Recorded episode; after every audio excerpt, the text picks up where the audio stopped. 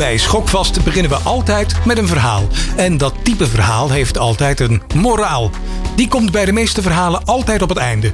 Maar Schokvast zou Schokvast niet zijn als we dit soort gedwongen narratieven niet proberen om te draaien. Dus we beginnen met de moraal. De moraal van het verhaal. Wat hebben Vanity Metrics, de meeste stoplichtrapportages, een veelheid aan complexe KPI-sets en het dashboard van minister De Jonge gemeen? Ja, je hebt juist gedacht. Je kijkt naar middelen die vanuit een opgelegde logica of eenzijdig perspectief verbonden zijn met doelen. Dus als de cijfertjes gehaald zijn, is het doel bereikt en het probleem weg. Dat is natuurlijk klinkklare nonsens. Het holt je schokvastigheid als land of organisatie helemaal uit en je bereikt meestal weinig, want het middel stond niet gelijk aan het doel. Tot zover de moraal. En op het einde van deze schokvast het verhaal. Het verhaal van de wereldvermaarde econoom Goodhart, die dit in 1975 reeds in beton goot in zijn wet van Goodhart. Een wet die gaat over de link tussen middel en doel. Mijn naam is Joris van Heuklom. Welkom in een nieuwe schokvast. Welkom bij Schokvast, de podcast voor iedereen in de creatieve industrie die zich wil wapenen tegen de waan van morgen. In iedere aflevering van Schokvast duiken we in de veranderlijke wereld op vlak van tech, innovatie en een beetje marketing. Ik ben Joris van Heukelom. Ja, en ik ben uh, Mark Schoones. Hey Mark. Ah, Joris. Hoe is het? Ja, uitmuntend. Het, ja, weet je, het is, je mag het er nooit over hebben, maar daar hangt lente in de lucht. Ja. En dat maakt mij altijd blij. Ja, het is clichématig om over het weer te beginnen, maar uh, het is lekker weer. Op mijn leeftijd mag dat. Ja, ik heb dingen gezien en ik wil jouw mening. Want ik, ik ben een beetje uh, nog enigszins meningloos of ik wil een beetje bevestigd worden in mijn mening. En dan kijk ik altijd naar iets wijzere mensen en dat, dat zou jij dan zijn. Maar ben je in de war? Mm, ik weet nog niet precies wat ik ben. Je, ben. je bent op zoek naar vastigheid. Ik ben op zoek naar vastigheid. Ja, brandlos, brandlos. Nou, het gaat over de vier P's. Mm. Heb, jij een beetje, heb je een beetje meegekregen dat er uh, onweer heerst in de hogere uh, sferen van de, de, de Twitter-marketeers? Nou, als je dat Twitter eraf doet, ben ik ervan overtuigd. In marketingland is het al een paar jaar paniek. Ja. Maar, maar in ieder geval, dat heeft nu ook Twitter bereikt. Ja, ja, nou ja, ik, ik, ik, las het via Twitter. Maar het, het gaat eigenlijk in op een uh, artikel van Mark Ritson. Je, je, wel bekend, denk ik, marketingprofessor in, uh, in, uh, in, in, in Groot-Brittannië, als ik me niet vergis. En die, um, die heeft een column in Marketing Week. En die column is eigenlijk altijd een contra-column. Hij schopt altijd tegen allerlei dingen aan. Mm -hmm. Deze column die heette Attempts to update the four P's are embarrassing. They've endured for a reason. En uh, de, de, vier P's zijn natuurlijk uh, prijs, product, uh, promotie en plaats. Kijk. Van Jerome McCarthy uit 1960. Kotlos toch? ja, McCarthy heeft hem als eerste gecoind, als ik me niet vergis. In 1958 gepubliceerd, 1960. Ik heb mijn research gedaan. Ja, nee, ik geloof je. Ja, zeker. Ja. Anders zetten we het in de show notes. Hè? Nee, uh, maar nee, mijn punt is dat, dat uh, er wordt natuurlijk gemorreld aan die 4 P's. Door allerlei uh, marketeers. Die willen het allemaal her, heruitvinden. En daar schopt die Ritson dan een beetje tegenaan. Die zegt, daar moet je niet al te veel aan, aan klooien. En hij haalt een presentatie aan van een CMO van MeUndies. Dat is een onderbroeken abonnementenverkoper. Dat is een scrabblewoord. En je moet niet te lang nadenken over dat businessmodel. Maar die, die zegt, de, de real four P's of marketing zijn purpose, performance, personalization en pride. Wat natuurlijk een, een hoop hoeha is. En waarvan je enkele P's ook kan vangen onder die originele 4 P's. Enfin, mijn vraag is eigenlijk... Ja, wat is, wat is de vraag? Nou, ja, ja. is er nou echt iets mis met die 4 P's? Dus is het, de continue drang van marketeers om daaraan te morrelen... is die nou ergens gegrond? Is er iets veranderd waardoor die 4 P's niet meer relevant zijn? Nee, dat is klinkklare onzin. Oké, okay, nou dan hoef ik op. Nou ja, deurtje nummer twee hoef ik niet aan de. Te, ja, jij bent het vindt het onzin. Vertel. Nou ja, ik, ik, ik schaar me dan onder de, uh, de, de fans, de fanbase van, van meester Ritsen. Uh, die je citeerde, geloof ik, met zijn blog. Um, ja, weet je wat het is? Marketeers die zijn ook voor zichzelf net wat te veel op zoek naar aandacht, denk ik. Um, en weten dan dat die 4 P's het ooit wel langjarig, decennia lang goed gedaan hebben. En gaan daar dan aan lopen morrelen. Maar dat is natuurlijk klinkklare onzin. Kijk, het, het punt is dat die marketeers die dat doen, beter nog eens zouden kijken naar het holistisch perspectief van het marketingvak. En er niet 1 P of een halve P uittillen om, om daar dan opnieuw 4 P's van te maken. Want per definitie verdunt het marketingvak dan. hey. Precies. Nee, maar dat meen ik echt. Kijk, met, met plaats, product, prijs en promotie heb je echt wel heel veel elementen van het marketingvak te pakken. Um, maar door dat dus gaandeweg te verdunnen, merk je eigenlijk ook dat in heel veel corporates en heel veel organisaties het marketingvak en het belang van het marketingvak verdund is. Het is te veel innovatieve marketingcommunicatie geworden, mijn inziens. Dus ik zou zeggen met z'n allen terug naar de 4 P's. En dan mag je per P die 4 P's nog eens heel goed gaan evalueren. En kijken hoe die in de tijd en in de toekomst, om toekomstvast te zijn, gaan veranderen. Want die 4 P's zijn natuurlijk, of wat je doet met elke P, is natuurlijk onderhevig aan externe situationele factoren. En die moet je kennen. Ja, nou dan ben ik blij dat we op hetzelfde punt, punt uitkwamen. Want ik, ik heb dit een beetje zitten overdenken. En ik kwam tot de conclusie dat die 4 P's die zijn niet veranderd. Maar de output die uit die 4 P's komt, is veranderd. en daarvan zijn creatieve bureaus gewoon een beetje in de war geraakt. En uh, zijn toen geroepen dat het fundament anders moest. Terwijl eigenlijk gewoon de output is veranderd. En daar moet je eigenlijk met een open blik uh, naar kijken. Uh, Oké, fijn. Zitten we heel heerlijk op één lijn. Mooi hè? Heb je nog iets gelezen, gezien? Wat moet ik weten? Ja, te veel. Te veel. Maar wat, wat kwam bovendrijven was, was een, een artikeltje dat ging over de NPO en RTL. Die hebben namelijk een, een gezamenlijk, in gezamenlijk heet. En als de publieke en de commerciële in gezamenlijkheid iets doen, dan moet je toch wel opletten. Een uh, intentieverklaring opgesteld voor het verantwoord gebruik van artificial intelligence in de media. De beide mediaorganisaties onderschrijven dat ze zich bij het toepassen van kunstmatige intelligentie aan ethische richtlijnen zullen houden. Ah.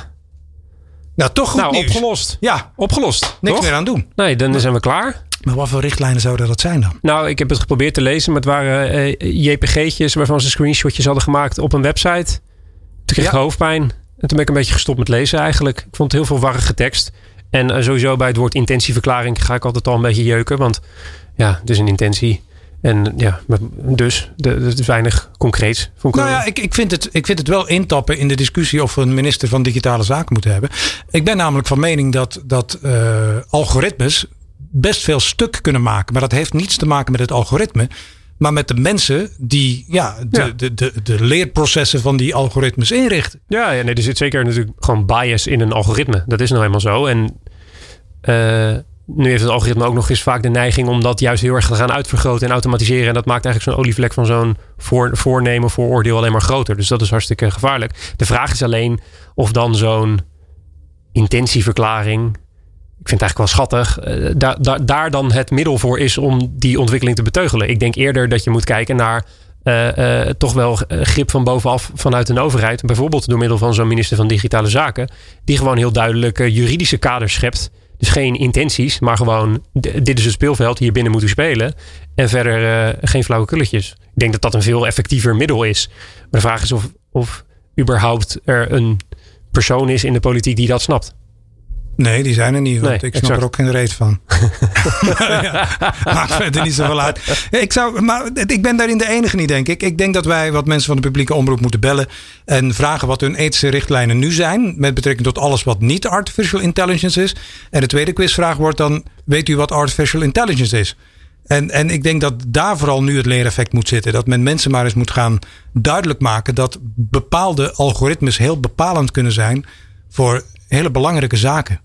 Um, en als je daar bewust van bent, dan is het ethisch kader wat je in principe in je hebt en huldigt voldoende. Dat, Lijkt, dat zou ik zeggen. Lijkt me een goed voornemen. Mooi. Zullen we naar de gast? Dat is een goed idee. Een nieuwsgierig brein, een ondernemende geest en een sociaal hart. Je vindt het allemaal terug in onze gast. Waar zij gaat, daar worden dingen opgericht. Zo richtte ze als entrepreneur bij Sanoma de start-up Swipe Shop op. Was ze verbonden aan Blendel, Rockstart en de inmiddels aan Twitter verkochte nieuwsbrief Startup Revue. Haar laatste geesteskind is TechMeUp, een opleidingsfonds dat de Nederlandse techindustrie diverser en inclusiever moet maken. Maar ze is, en dat is toch al het belangrijkste, vooral hier en daar zijn we heel erg blij mee. Nikki Hofland. Ha, Nikki.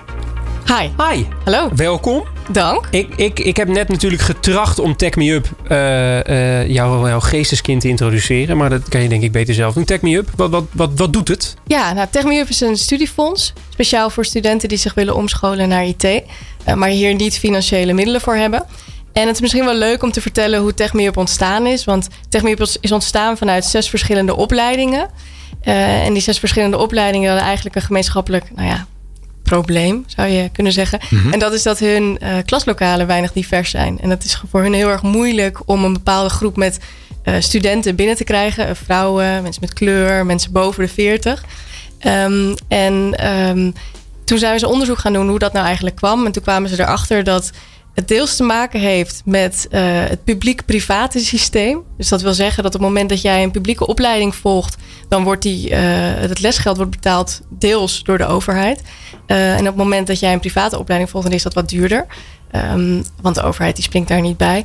En tegelijkertijd is er bijvoorbeeld bij publieke opleidingen is er ook heel veel hulp voor studenten om bijvoorbeeld een studiefinanciering of een leven lang leren fonds om daar gebruik van te maken. En dat is ook bij private opleidingen niet het geval. Dus, dus die zes opleidingen zijn, zijn veelal privaat, als ik Dat zijn ze hele Nee, veel. dat, dat ja. snap ik. En, en tech me up. Kijk, ik, ik kom uit een generatie, als je zei tech, dan had je zo over, over, over mensen die achter een computer een hele dag zaten. 20 uur per dag en, en lid waren van de Satanische Kerk. wat, wat kan je leren? Maak eens, maak eens lekker concreet. Want wij hebben natuurlijk vele luisteraars die nu aan jouw lippen hangen en denken van hé, hey, dit is misschien wat voor mij. Maar wat, wat is het dan? Wat leer je dan? Wat kan je als je vier van die zes opleidingen gedaan hebt? Wat kan je dan? Ja, nou ja, het is super divers. Ehm eh, UI, UX, growth hacking, eh, cybersecurity. eh, we zien ook eh, CRM consultants, meer Salesforce-achtig. Eh, cloud computing. eh, eh, mensen die, die meer in de service desk zitten. Ehm, maar, maar een van de dingen waar, wat ik net wilde zeggen, wat, wat, lastig is voor heel veel mensen, is, is toch die, die, dat lesgeld kunnen betalen. Of het kunnen leven gedurende die zes maanden dat je je aan het omscholen bent. Of je nou omscholt naar een growth hacker of wat dan ook. Ehm, het zorgt voor een barrière en die barrière moet weg. Ja, want als ik dus goed begrijp is, die mensen willen heel graag. Maar het is gewoon eh, simpelweg zo dat vadertje staat tegen jou zegt... als jij eh, je wil omscholen en je gaat niet naar de publiekersrol... eh, je krijgt gewoon helemaal niks. Je krijgt Nee. geen uitkering, je krijgt geen studiefinanciering. Ja, uitkering wel, maar, maar studiefinanciering niet. En daardoor zit een heel groot verschil tussen, ehm, behalve kwaliteit, hè, want publiek versus privaat, er zit natuurlijk een heel groot verschil in, in wat je daar leert. Privaat is meer gericht op de markt en publiek, ja, daar lopen de curricula helaas nog een aantal jaar achter. Ehm, maar tegelijkertijd zijn ze heel ja, onbereikbaar voor een bepaalde groep. En eh, ja, dat, Wat, wat, eh, wat zeg je dit vrouwelijk? ja, kom op. Eh, Wat ik hoor, maar dat is, is dan mijn afwijking. Zeg je van ja, wat, wat in het publieke domein ontwikkeld is om, om die mensen, of om mensen te vervolmaken in tech. En daar gaf je dan net goede voorbeelden van. Is gewoon ontoereikend. Ja, ja. Nou ja, kijk, ja, ja dat, dat is deels zo. Ik, ik, ik ben zelf altijd heel positief ingesteld. Ik probeer andere mensen niet eh, naar beneden te schoppen. Maar ik denk dat de private... Ik, ik, ik help je even. ja, dat is goed. Ja. Maar ik denk dat de private opleidingen ervoor een reden zijn. Eh, en die weten we waarschijnlijk allemaal wel. En, en eigenlijk, hè, moraal van wat we doen met Tech Me Up... is dat wij studenten de mogelijkheid geven om geld renteloos te lenen. En dat is tussen de 2.500 en de 7.500 euro. Ja, La- laten we eens eh, gaan naar het, naar het geld achter, achter Tech Me Up. Want, want dat geld, dat, dat moet ergens vandaan komen. Het is een rentevrije lening. eh, Het wordt uitgeleend vanuit Me Up. Heb jij dan zo'n gigantische spaarrekening en, en gun jij dat de studenten? Of waar komt dat geld vandaan? Wie betaalt het allemaal? Ja, I wish dat dat mijn spaarrekening was. Ehm, nee, dat is eigenlijk heel divers. Eh, dat komt vanuit ehm, private personen, dus tech-ondernemers, maar ook vanuit bedrijven. Denk aan een Rabobank of een ASML. Gemeente, gemeente Amsterdam is een donateur. Ehm, maar ook eh, ja, fondsen. Eigenlijk halen we het overal vandaan waar. Dorien, Nicky, dat klinkt als een enorm fonds. Fantastisch. Hoeveel geld zit erin dan? 410.000 euro. En daar mag nog wel wat meer bij. Eh, kan, kan- kan je dat in, in, in perspectief zetten? Wat, wat kan je, wat, hoeveel studenten is dat goed voor? Wanneer is het geld op? Wanneer... eh, Nou, gemiddeld leent de student ongeveer 3.500 euro. Ja, en, en, en, en hoe wandelt iemand dan eh, uit zo'n opleiding? Hoe, wat, wat staat hen te wachten als men eh, is bediend door een van die opleidingen en heeft, Ja. heeft zich, zich omgeschoold? Ja. Wanneer moeten ze bijvoorbeeld terugbetalen? Wa- Wanneer, wanneer gebeurt Mensen betalen terug op het moment dat ze een baan gevonden hebben. Ehm, en eh, wij proberen ze daar ook zoveel mogelijk mee te helpen. Want we merken ook dat ehm, het zijn wel mensen met een atypische cv. Dus het zijn niet de, de, de, de mensen waar iedereen naar op zoek is. Hè? Want eh, in de techwereld zoeken we natuurlijk allemaal naar de persoon die eh, vanaf zijn vierde aan het coden is en eh 2000 euro per maand vraagt. Dat is, dat is Mark. Ja, ja, nee. ja. Oké, ja. En jou kan ik wel plaatsen. Ja? Fijn. Ben ik eindelijk van jou af, Ja, jongens. fijn hè. Goed. Nee, maar je merkt wel dat het zijn mensen met een atypische cv. We, we hebben bijvoorbeeld een jongen die eh, echt zojuist een baan heeft gekregen, waar ik echt super trots op ben. Eh, die heeft eh, zich zes maanden omgeschoold naar eh, front-end developer en die was hiervoor jazzgitarist. Eh, nou, door corona natuurlijk helemaal eh, geen inkomen meer. En eh, nu kan hij dus aan de slag bij een Ja, creative Oké, maar voordat we naar de tranentrekkende verhalen gaan, to- toch, toch, ik, ik ben nog niet over dat tranentrekkend bedrag, als je het niet erg vindt. 410.000 euro. Ja. Dus we hebben hier te maken met een initiatief, Tech Me Up, wat mensen echt helpt aan werkzekerheid en toekomstbestendigheid. En wat de BV Nederland helpt om aan profielen te komen die nu zo schaars zijn dat er ongeveer, ik geloof, 65.000 vacatures in zitten nu. Ja, ja het is. daarnaast ga je ook nog voor inclusiviteit en diversiteit. Dus je zegt van hé, hey, we laten Nederland groeien. En iedereen mag die potentiële groei op zijn schouders nemen. En dan is jouw huidige fonds 410.000 euro. Ja, ik, ik ben er heel trots op. Want het is uh, de afgelopen tijd met corona was het niet heel makkelijk om, uh, om geld binnen te halen. Vooral na de eerste lockdown. Ik ben 1 maart ben ik zelf begonnen. Um, was wel heel grappig, want ik ging toen bedrijven uitleggen waarom omscholing heel belangrijk was. Terwijl twee weken later stond het in de kranten dat iedereen omgeschoold moest worden. Um, dus dat heeft wel geholpen. Maar ja, kijk, het is coronatijd. En we merken ook nu, vooral na die tweede lockdown, uh, dat bedrijven echt massaal hun geld binnenhouden. En dat ze echt hun, ja, hun financiële positie, uh, ja, investeringen worden uitgesteld. Dat, dat is gewoon helaas. Ja, het is geen investering, hè? Nee, het is, het is, een lening. Het is een lening, ja. Dat is echt dat is, ja. ja dat, is, dat, is, een fundamenteel verschil. Dus ik, ik laat me zo zeggen, ik, ik begrijp jouw trots en die is terecht vanuit persoonlijk standpunt. Maar het is natuurlijk intriest dat de poorten van de ING's en Rabo's en andere corporates in deze wereld die gewoon open gaan. En, en men zegt van, Nicky, regel het voor ons. Wat zou je nou nodig hebben in 2021 of 2022 voor dat matter? Dat je zegt, oké, hier kunnen we echt een, een vuist maken richting de doelstelling yeah. die wij hebben.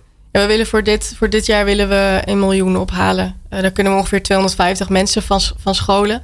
Uh, en dan heb je ook ja, voldoende data om te laten zien hoe het werkt en hoeveel procent het terugbetaalt en uh, hoe snel we iemand aan een baan kunnen helpen. Dus ik, ja. Oké, okay, nou.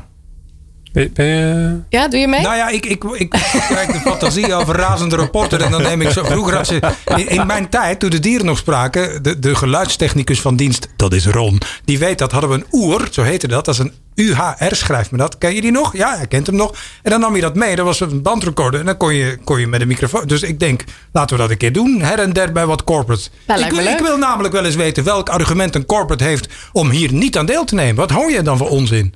Nou, je merkt dat heel veel corporates zeggen dat ze het heel erg um, spannend vinden om een bepaalde doelgroep, uh, om daar een, een, een, donatie tegenover te zetten. Dus bijvoorbeeld. Ja, het is geen donatie, het is een lening. Ja, ja sorry. Maar, ja, voor, ik, ben een beetje, ons... ik ben een beetje te aanwezig. Nee, nee, nee, maar voor ons is het natuurlijk wel een donatie. Want wij, ja, wij willen dat geld natuurlijk het liefst niet terugbetalen. Want we willen het de komende tien jaar uh, lang studenten laten gaan.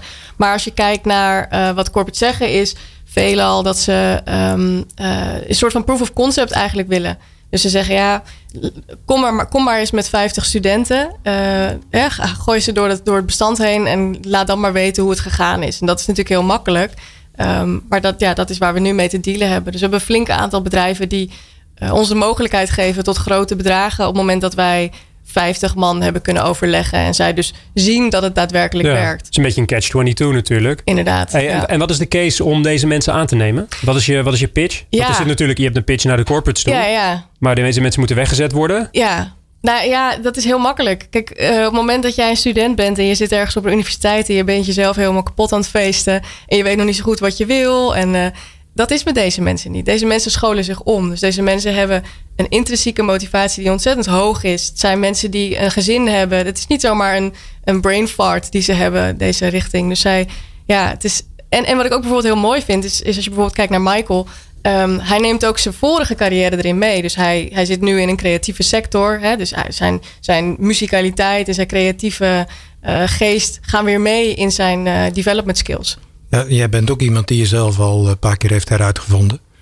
Als jij je nou zou kunnen omscholen, in wat zou dat dan zijn? Ja, dat vind ik een hele moeilijke vraag. Weet je, weet je wat het. Um, ik, ik zou sowieso wel graag, graag beter willen leren coden. Uh, want uh, ik ben uh, vroeger nooit verder gekomen dan frontpage.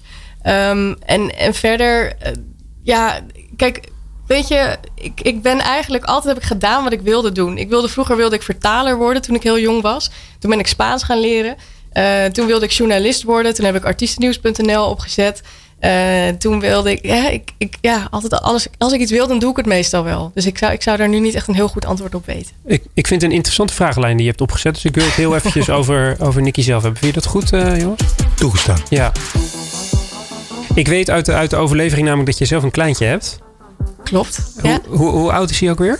Uh, die is gisteren twee geworden. Die gaat, die gaat ooit naar school. Ja. Zeer binnenkort zelfs, weet ik. Want ik heb een zoontje van drie en ik moet al scholen uitzoeken. En bizar is dat, hè? In, in, ja, dat is heel bizar. Ja. Dat, dat doet je waarschijnlijk ook met een andere bril naar het educatieve systeem in Nederland kijken. Ik- Heel erg. Kan je ons eens meenemen in, in de wereld eh, van educatie waar je hoopt dat jouw zoontje ooit in terechtkomt? Ja. Nou ja, wat, wat me sowieso heel erg verbaast is dat er heel weinig eh, scholen zijn die veel doen met tech. Eh, ik weet niet of jou dat is opgevallen en of dat iets is waar jij op let tijdens het kiezen van een basisschool bijvoorbeeld. Maar Ja, ze zijn heel trots op het feit dat ze een iPad hebben. Daar Maar- houdt het op. ja. exact. Daar houdt het op. En ik, ik vind dat heel zonde. Ehm, wat, wat ik, eh, ik volg iemand op, op LinkedIn, Michiel Massink heet hij.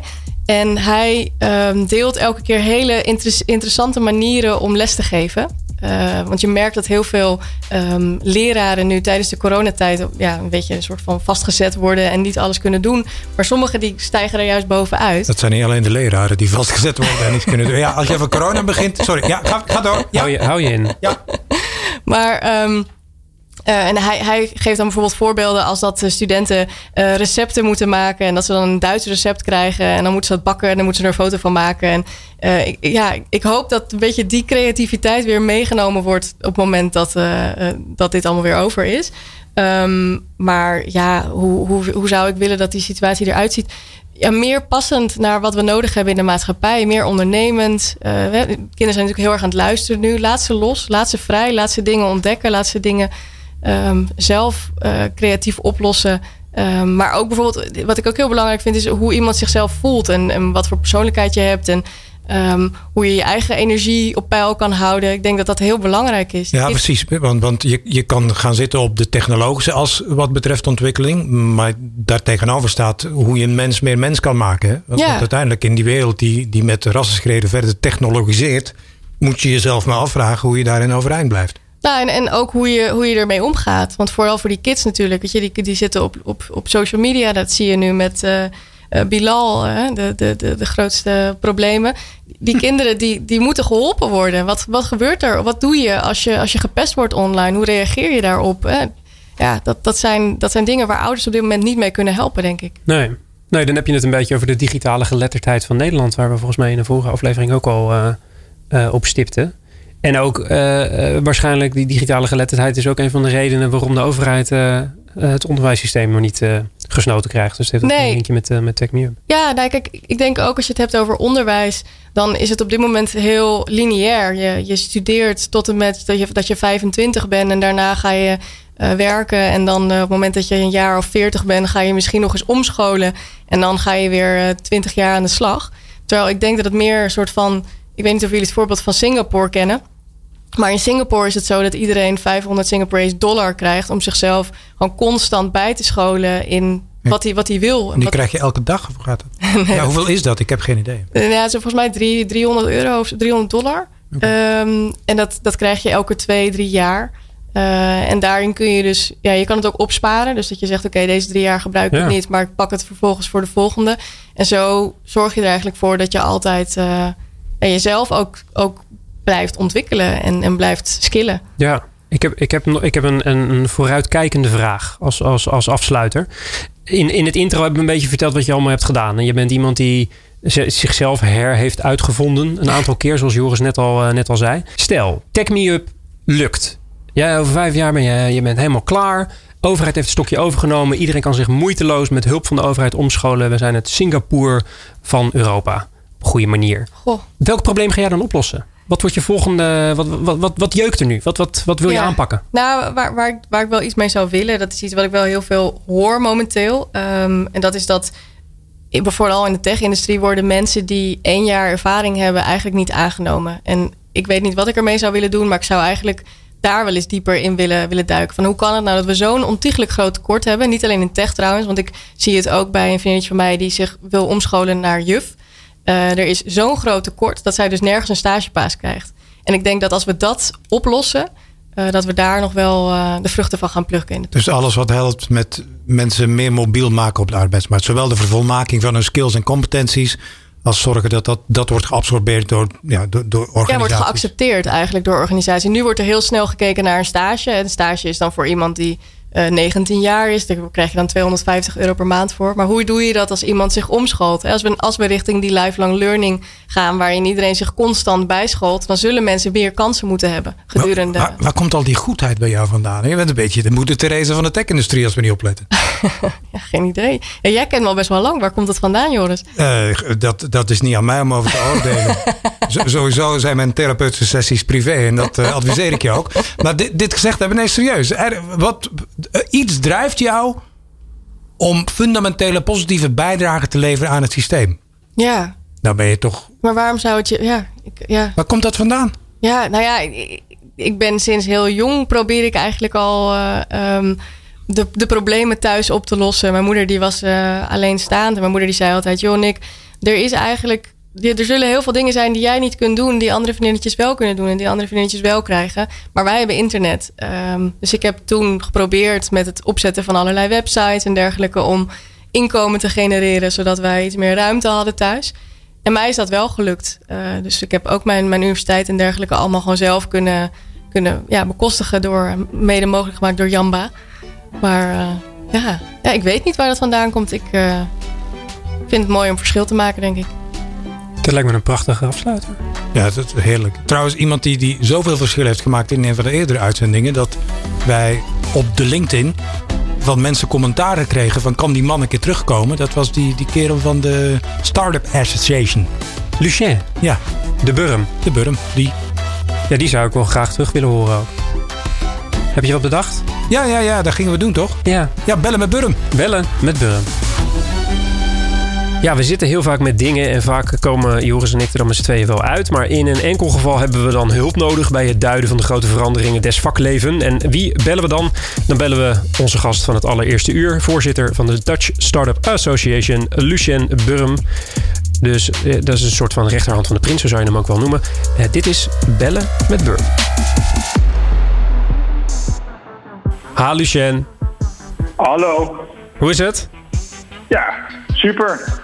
Wij, en met de, de van uh, Schokvast? Zeker weten. We zitten, we zitten met een issue. We maken ons heel erg druk over dingen en jij moet even wat helderheid verschaffen. Vertel. Deepfakes en privacy. Deep, we, zitten helemaal, we, zitten, we zitten helemaal in de knoop. Je moet het, je moet het ontrafelen voor ons. Deepfakes.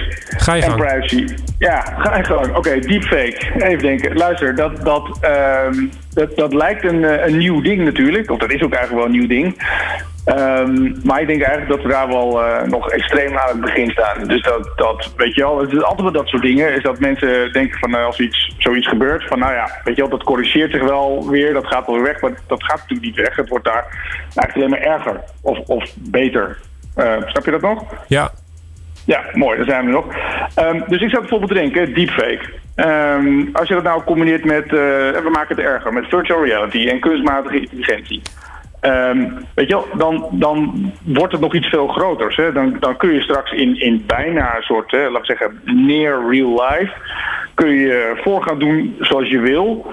Um, of of nog, nog beter, uh, je kunt anderen laten voordoen zoals jij wilt. Hè? Want, want we houden er van mensen, uh, we houden van mensen om, om te interpreteren als zoals wij willen. Hè? Zoals wij willen dat de wereld er, eruit moet zien. Nou, dat kunnen we dan nog één keer veroorzaken. Dus dat wordt extreem stuurbaar. Um, privacy. Um, ja, weet je, ik, ik, dat, jaren geleden zat ik al een keer op een, uh, op een uh, conferentie, dat is al 10, 15 jaar terug. Toen riep iemand: uh, privacy is dood. En nou, dat vond ik eigenlijk een heel gek bericht, want toen had je nog Hives hè, en, en, en, en MySpace en dat soort dingen. En dan kon je nog verschuilen achter allerlei vage namen en zo. Um, dus het is iets van, van alle tijden, dat spel tussen, tussen uh, je identiteit bekend hebben en dat willen verhullen. En, en nou hadden wij het laatst volgens mij over, over die, die, die non-fungible tokens, hè, die, die, die niet verhandelbare tokens, uh, waarmee je eigenlijk uh, ja, digitale kunst en digitale uh, objecten eigenlijk daar, daar eigenaar van kan zijn, geregistreerd. En toen dacht ik van ja, luister, we kunnen natuurlijk via zo'n zo'n zo'n protocol, zo'n identiteitstool, kun je eigenlijk prima in de publieke ruimte, in een blockchain, kun je gewoon vastleggen uh, dat, dat wat je nu ziet, dat jij dat bent. Hè, daar zou je uh, prima uh, mee uit de voeten komen. Maar er zijn natuurlijk op dat gebied ook weer andere start-ups, zou ik te denken, die weer heel druk bezig zijn om juist die identiteit uh, te verhullen. Zodat je bijvoorbeeld maar een heel klein deeltje van je identiteit hoeft te laten zien. Uh, maar de rest mag je dan niet zien. Hè, om allerlei handelingen te kunnen verrichten. Dus er zijn een soort van uh, verschillende krachten daarin bezig. Ja, dus ik, ik, moet eerlijk zeggen. Ja? Burm, Burm, want het, ja, we hadden al een gast. Um, wat je nu zegt is dat een technologische simulatie uiteindelijk zal begrensd worden door een technologische innovatie. Nou ja, ik, ik uh, wou maar zeggen eigenlijk heel simpel. Hè, dat, het, zo gaat het eerst. Uh, dan komt technologie die het weer, weer, inderdaad weer makkelijker maakt, zoals je zegt. Dus ik zou willen zeggen, of eh, want ik praat duidelijk veel te veel, dat uh, zonder Napster geen Spotify. Dat lijkt me een keurige afsluiten van deze eerste editie van Bellen met Burm, Lucien. Dankjewel. Ja, en de groeten Constantijn. Dag! Dag, Lucien. Hoi. Hoi. Zo, dat maakt veel duidelijk. Ik ben wel wat wijzer geworden. Ik heb, wat ik eruit heb gehaald is dat NFT's uh, ons gaan beschermen voor, voor neppe Joris en neppe Marken. Nou, wat ik eruit heb gehaald is dat er een bescherming nodig is. Ja, maar dat en, was zo evident voor mij. En de vraag is, hoe gaat dat gebeuren? En dan is NFT's nu even de tak of de tuin. Die, die snap ik wel hoor. Maar ja. ergens zal je inderdaad wel ja, een, een authenticatie zijn van het authentieke. Alvorens we ons straks nog in het digitale begeven. Dus dat, is de, dat heeft Burm toch weer toegevoegd. Exact. We gaan hem vaker bellen. Ja, Als wij vruchtbaar gesprek. Ja, dan gaan we, gaan Monoloog we eigenlijk meer hè? Ja, dus het, wat vind jij van deepfake trouwens, Niki? Ja, ik vind het wel heel tof. Tof? Ja. Nee, het is ook tof, maar Ja, er zit, er, er zit een gevaarlijke randje aan. Of, of? Zeker, er zitten zeker gevaarlijke randjes aan. Maar ik vind het ook wel heel erg tof dat je er ook heel veel toffe mee- dingen mee kan doen. Dat is Ja, ik absoluut bedoel, Als popsterren. En eh, ik zag heel veel dingen voorbij komen de afgelopen tijd. Waarin andere mensen dingen zeggen die dan, waarvan het lijkt dat iemand anders dat zegt. Ja, ik vind het wel heel grappig. Ja, en, Je en, kan iemand feliciteren. en je kan hem weer terugcirkelen waar we het eerder over hadden. Is zolang ieders digitale geletterdheid Hoog is, op ja. niveau is, eh, dan zou men wel kunnen inschatten dat wat men op een scherpje ziet niet per definitie realiteit zou zijn. Ja, maar het is nu een minderheid die digitaal geletterd is hoor, in dit land. Ja, dat is dat- tenminste assumptie, assumptie, maar dat is wel mijn assumptie. Ja, dat eh, zou ik ook wel geld op En, en, neerzetten. en daar moeten we dan verder aan gaan werken. O- ook, met, ook met schokvast en, en ook op jouw manier, jij, Nicky. Eh, ja, blijf doen wat je doet en ga het nog vaker doen en meer. Dat is wat ik je wens. En dank voor te komen hier Dankjewel. bij ons in Schokvast. Dankjewel, Nick. hey, eh, we, hebben, we hebben nog één dingetje wat we moeten doen. Ja, Ja. daar komt die. Dat is de uitdaging van jou. Elke Ja. week opnieuw. De schaal van Schoones. Nou, kom maar. De schaal van Richter is een meetschaal waarop de energie die vrijkomt bij een beving in een getal wordt uitgedrukt. Dat getal wordt magnitude genoemd. De schaal van Schoones die lijkt hierop en geeft aan in welke mate een innovatie of een gevolg ervan over vijf jaar als disruptief zal worden beschouwd. De vraag vandaag, wat vindt Schoones van brain-machine interfaces? Ik ga meteen heel eerlijk zijn. Ja, Ik heb dit natuurlijk helemaal de moeder moeten googlen. Eh, maar uiteindelijk, om, om voor de luisteraars die ook eh, even leek zijn als dat ik ben, eh, een brain computing interface is eigenlijk niks anders dan een computer die in staat is om signalen uit jouw brein te verwerken. Direct, zonder tussenkomst van jouw handen.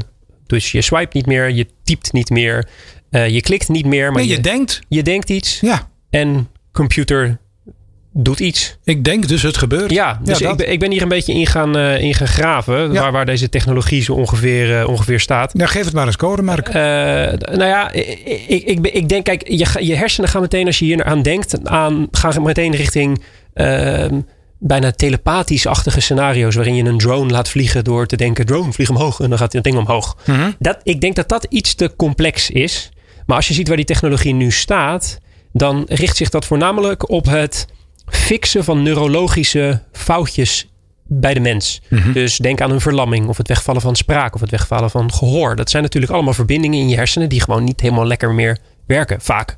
En eh, dat kan wel op redelijke manier gesimuleerd en gestimuleerd worden. En daar zijn ze ook al best wel ver mee. Dus Mhm. ehm, ik geef dit op een schaal van schoonheid een 8. Kijk! Ja, en, maar niet per definitie omdat ik denk dat we allemaal over vijf jaar in Minority Report le- leven. En Nee. dat we allemaal telepathische Dr. Xavier's zijn. Maar meer omdat ik denk dat de, de toepassing in de medische wereld ons echt nog heel erg gaat verbazen. En ons gaat verlossen van een hele hoop hele vervelende medische ongelukken, kwalen. En Ja, precies. Dus meer het wegnemen van disabilities eh, dan het enhancen van de mens. ik denk daar op korte termijn dat de impact enorm gaat zijn. Om even twee mooie Nederlandse woorden te Ja, gebruiken. prachtig. Ja. Hé hey, jongen, eh, het is tijd. We moeten gaan. De, de avondklok luidt bijna. Ja, precies. De gemiddelde luistertijd is 52 minuten. Daar zitten we net onder volgens mij. Ja, dat gaat lukken. Oké, dan zeg ik jou snel gedag. Sluit jij dan af? Dat zal ik zeker doen. Oké, tot de volgende keer. Dag. Zoals beloofd nog het verhaal achter de moraal. Reeds in 1975 kwam de Britse econoom Charles Goodhart met zijn wet van Goodhart. En die wet die zegt: als een indicator, een indicator, een doel wordt, verliest die zijn nut. Dat komt door de menselijke neiging om desnoods via manipulatie de maatstaf te bereiken, wat uiteindelijk dezelfde maatstaf uitholt. Een berucht voorbeeld van Goodhart komt uit Vietnam uit de jaren 50. Daar hadden ze een rattenplaag en de locals kregen centen voor elke gedode rat. En dat geld dat kreeg je door de staart van een rat in te leveren in het gemeentehuis.